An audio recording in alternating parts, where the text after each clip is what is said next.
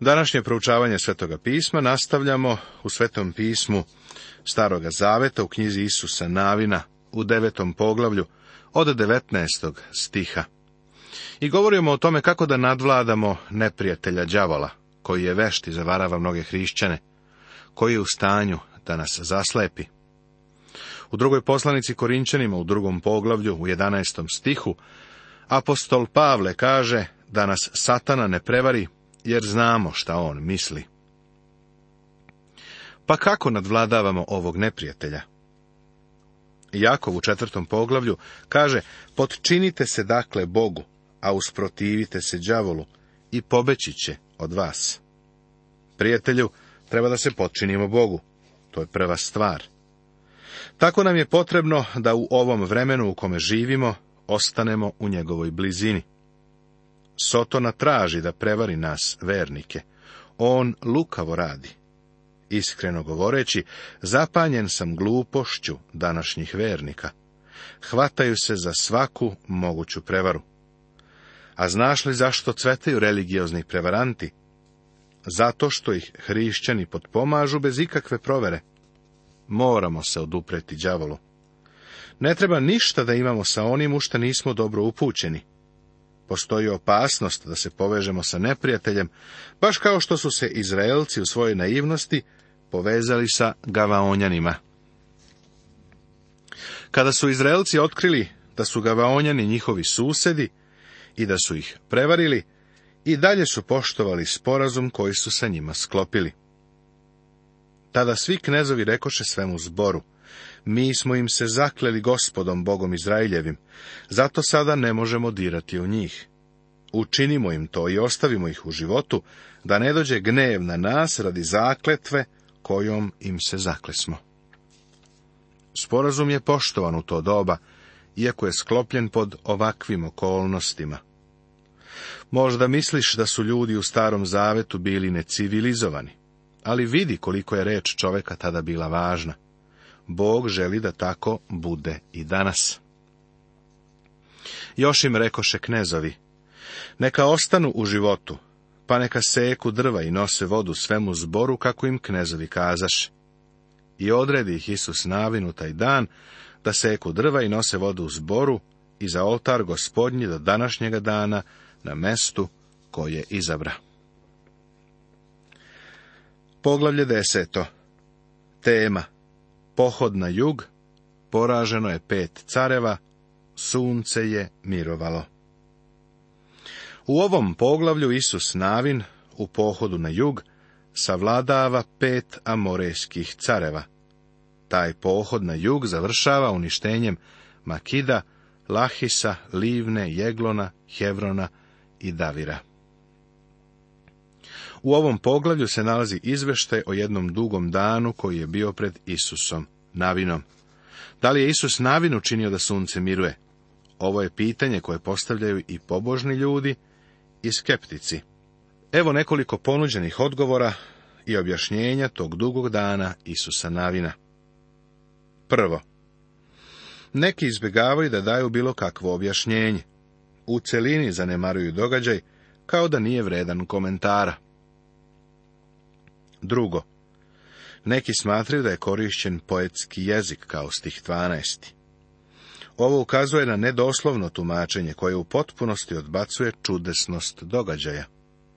Oni koji zastupaju ovaj stav uglavnom se pozivaju na knjigu Sudija, peto poglavlje 20. stih, gde piše Zvezde smesta svojih vojevaše na Sisarug. Ja ne želim da ovo u celini odbacim kao poetski izraz, jer nemamo dovoljno podataka da dogmatski tvrdimo da ovo jesu poetski izrazi, a ne činjenice.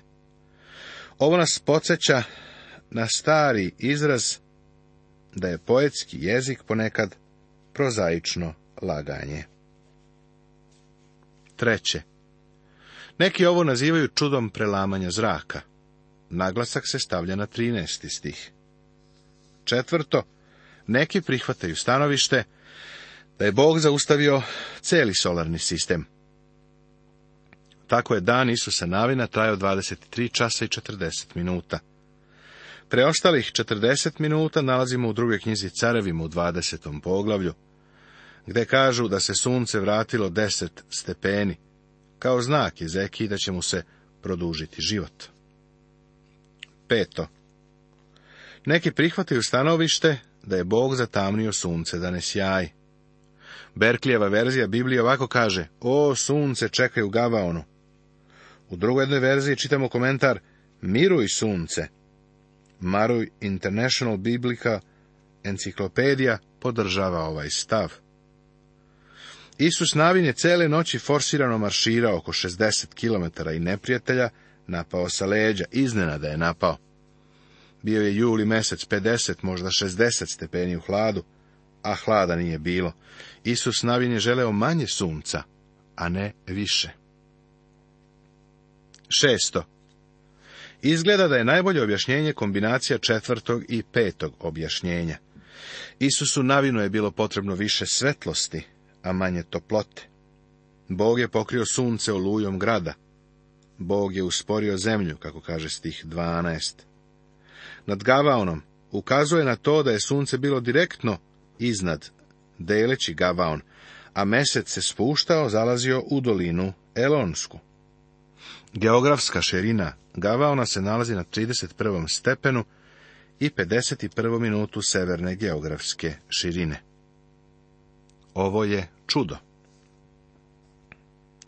Čudesna odbrana Gavaona. Pozadina cele ove akcije je sporazum koji je Isus Navin sklopio sa Gavaonjanima, taj sporazum naravno nije trebalo sklapati, ali pošto je to već učinio, Isus Navin se osjeća odgovornim.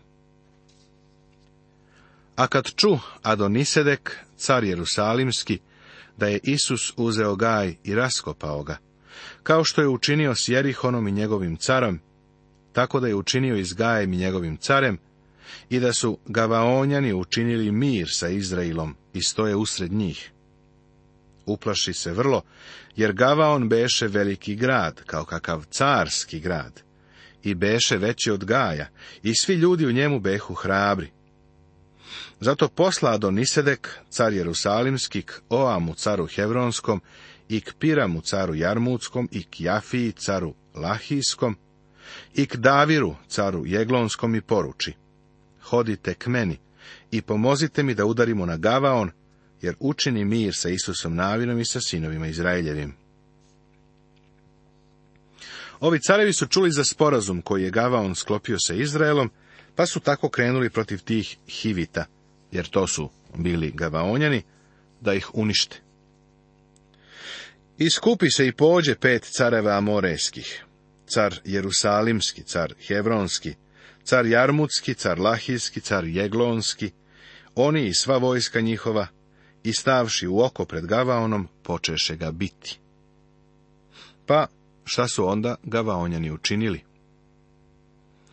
Tada Gavaonjani poslašek Isusu u oko u Galgalu i rekoše, nemoj dignuti ruku svojih sa sluga svojih, hodi brzo k nama, izbavi nas i pomozi nam, jer se skupiše na nas svi carevi morejski koji žive u gorama. Poslali su dakle hitnu SOS poruku Isusu Navinu. Dođi i pomozi nam. I izađe Isus Navin iz Galgala, oni sa njim sav narod, što beše za boj, svi junaci. I gospod reče Isusu, ne boj se, jer ih dadoh tebi u ruke, ni jedan ih se neće održati pred tobom. I Isus udari na njih iznenada, išavši celu noć od Galgala. Isus Navin je došao da ih izbavi. Po mom mišljenju iz dva razloga. Prvo, zbog sporazuma smatrao se obaveznim.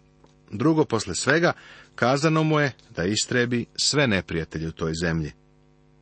Tako je njegova vojska krenula za njima. On je upotrebio taktiku iznenadnog napada, a gospod ih je razbio i rasterao pred Izraelom.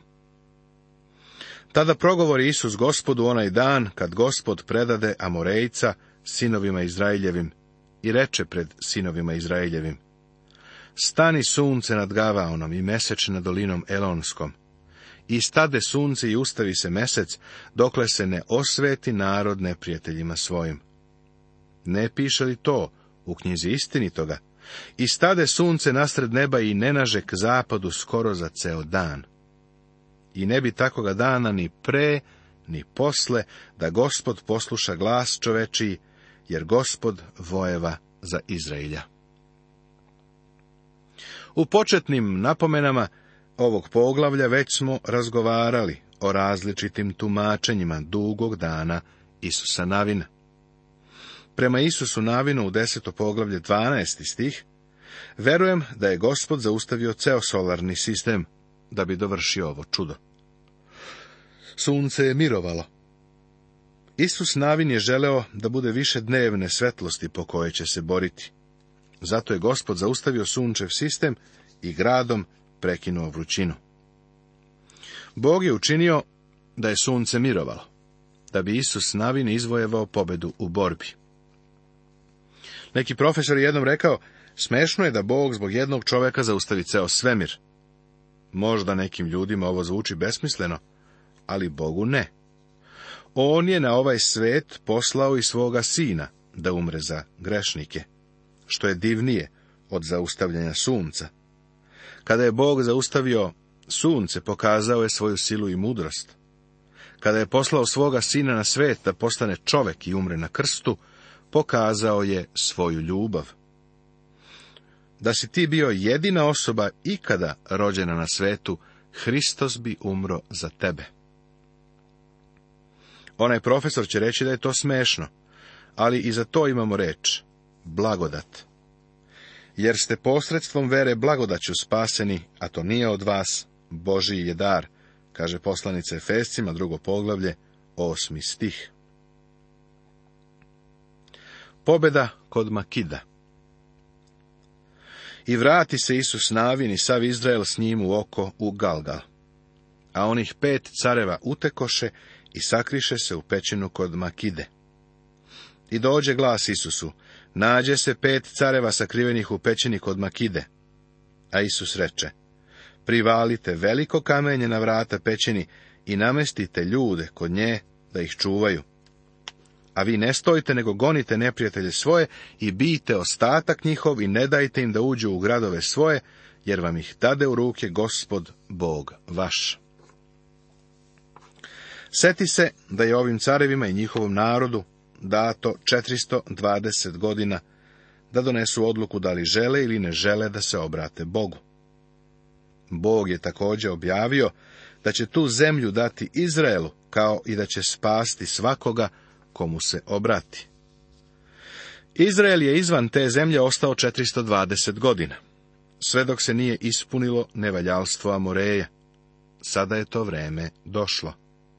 Bog je Izraelce preveo preko Crvenog mora, ne samo radi njih, nego i da pokaže svoju silu izbavljenja, jer je posljednje noći u Egiptu, kada je anđeo smrti prošao pored kuća, na čijim dovracima je bila krv.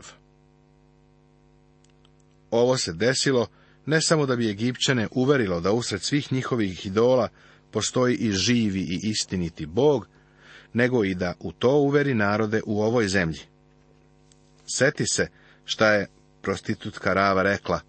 Čuli smo da je gospod pred vama isušio crveno more. Ona je u to verovala.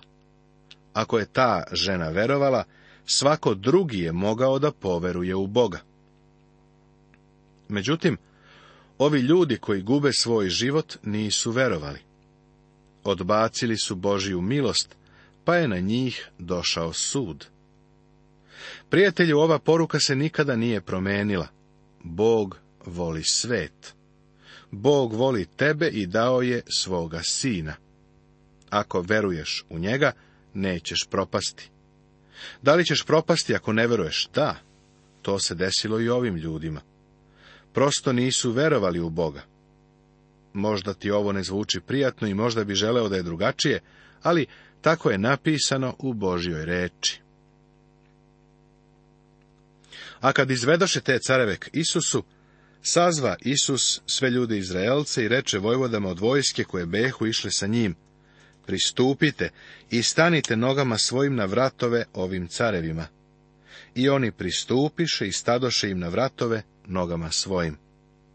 A Isus im reče, ne bojte se i ne plašite se, budite slobodni i hrabri, jer će tako učiniti gospod svim neprijateljima vašim na koje zavojštite. Ovo je impresivna carska vojna sila. Četrdeset godina pre ovoga zbog njih su izraelski uhode rekle, ne možemo ući u tu zemlju nikada nećemo uspjeti da je zauzmemo. Isus Navin je morao da kaže zapovednicima svoje vojske da tim carevima stanu na vrat, kako bi se srce naroda ohrabrilo. Bili su uplašeni. Ima jedna neobična priča iz Prvog svjetskog rata, kada je neko udruženje u Nešvilu u Americi slavilo nekog heroja koji je više od ostalih zarobio Nemaca. Jedna brbljiva udovica je zapitala heroja. Kako ste se osjećali kad ste doveli sve te vojnike? On je odgovorio, bio sam na smrt preplašen. Tako su se osjećali i Izraelci. Bog želi da ih ohrabri. Zatim Isus Navin ubija careve i veša ih na pet drveća. A o zahodu sunčanom zapovedi Isus, te ih skidoše sa drveta i baciše ih u pećinu, u koju se behu sakrili, i metnuše veliko kamenje na vrata pećini, koje onde osta do danas. Izraelci su mogli da ostave careve u pećini i da ih pomore glađu. Bilo je mnogo humanije pogubiti ih, pa su tako uradili. Nisu mogli da ih oslobode, a nisu imali tamnicu u koju bi ih zatvorili. Smatraš li da danas živimo u civilizovanijem svetu? Šta misliš o bezakonju koje na svakom koraku nalazimo u Americi? Nismo u poziciji da kritikujemo ono što su Izraelci uradili. Kod njih nije vladalo bezakonje i oni su svoj problem rešili na jedini način na koji su mogli da postupe sa grešnim, zlim ljudima. Da su ovi carevi bili oslobođeni, podigli bi bunu protiv Isusa Navina, a to bi dovelo do hiljada mrtvih. Nakon što su carevi povešani, spušteni su sa drveća. Nisu ostavljeni da vise preko noći. Zašto? Jer ovako piše. Neka ne prenoći telo njegovo na drvetu, nego ga isti dan pogrebi, jer je proklet pred Bogom koji je obešen. Zato ne skvrni zemlje koju ti gospod Bog tvoj daje u nasledstvo, kaže peta knjiga Mojsijeva, 21. poglavlje. A u Novom Zavetu, u poslanici Galatima, u trećem poglavlju u 13. stihu piše Hristos nas je iskupio od kletve zakona time što je On postao kletva za nas, jer je napisano neka je proklet svako ko visi na drvetu, Hristos je razapet, ali su ga spustili sa drveta, jer je napisano da je proklet svako ko visi na drvetu. Ovo je prokletstvo greha koje je on poneo umjesto nas. I pobi ih Isus navin od kadi svarnije do Gaze i svu zemlju Gosensku do Gavaona. A sve te careve i zemlju njihovu uze Isus navin u jedan jer gospod Bog Izraeljev vojevaše za Izraelja. Potom se vrati Isus i sav Izrael sa njim u oko u Galgal. Važno je vidjeti da je Bog taj koji je Izraelu dao pobedu i zemlju. Danas je naša pobeda u Hristu. Pobedonosni život je njegov život koji se živi u nama. Tada bivamo blagosloveni svim duhovnim blagoslovima, a to je imanje koje nam je On obećao. poglavlja 11 i 12. Tema Pohod na sever i spisak pobeđenih careva